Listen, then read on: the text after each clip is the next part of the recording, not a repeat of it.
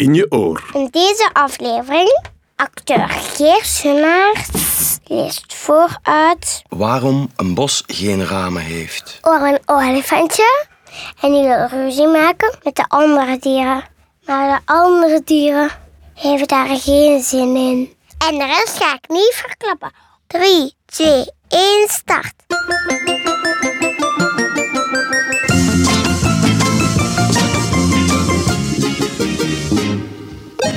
Zoek naar boosheid. Toen de olifant op een keer getuige was van een ruzie tussen de pony en de ezel,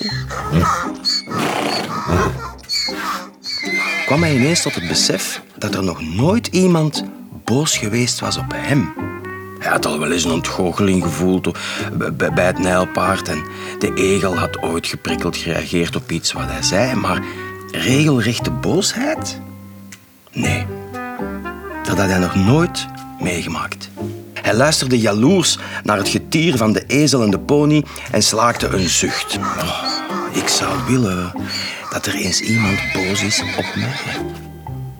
De olifant keek rond en even verderop, bij een struik, zag hij de muis zitten. Hij liep naar hem toe en stampte op diens staart. Maar de muis werd niet boos. Integendeel.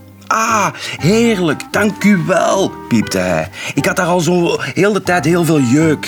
Hmm, teleurgesteld liep de olifant weg.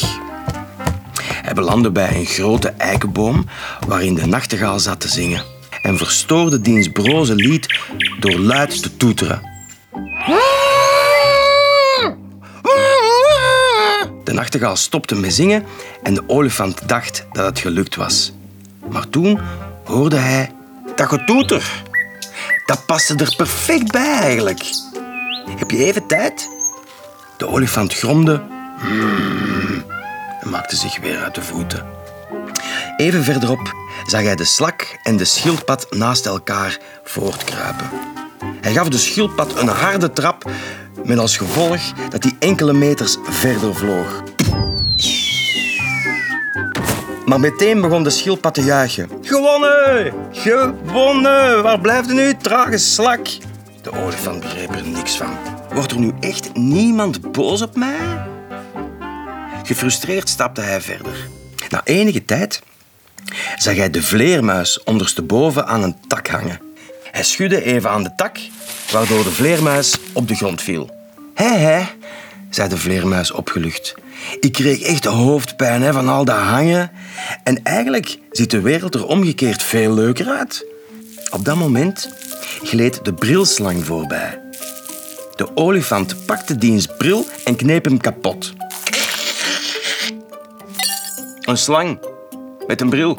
Dat is toch geen gezicht eigenlijk, hè? Laten we eerlijk zijn, zei de brilslang. En hij kronkelde bevrijd verder, om na enkele meters tegen de mol aan te botsen. Hm, De olifant gaf het op. Het lukte niet, dacht hij. Niemand wordt boos op mij, wat ik ook doe. Hij haalde zijn schouders op en ging zitten. Meteen hoorde hij van onder zich... Hé, hey, verdorie! Heft u dikke kont eens op. Ik stik hier bijna. De olifant sprong recht en zag de mier. Wit van woede. Met gebalde vuisten. Hey, zijn jij blind of zo? Op het gezicht van de olifant verscheen een brede glimlach. Dit was het dus. Ga jij nog een beetje lachen ook, ja? Het kan u precies niet veel schelen, dikzak. De olifant zei een paar keer bedankt, bedankt. En liep vrolijk, huppelend weg. Bedankt? riep de mier hem achterna. Bedankt? Bedankt voor wat? Omdat ik niet op je smoel heb geslagen? Ja, maar ja, pas op, hè, want die krijg je nog. Hè. Ik zweer het u, hoorde dat? Die krijg je nog. Voilà, blije olifant. Boze mier. Dat was het. Mooi hè? In je oor.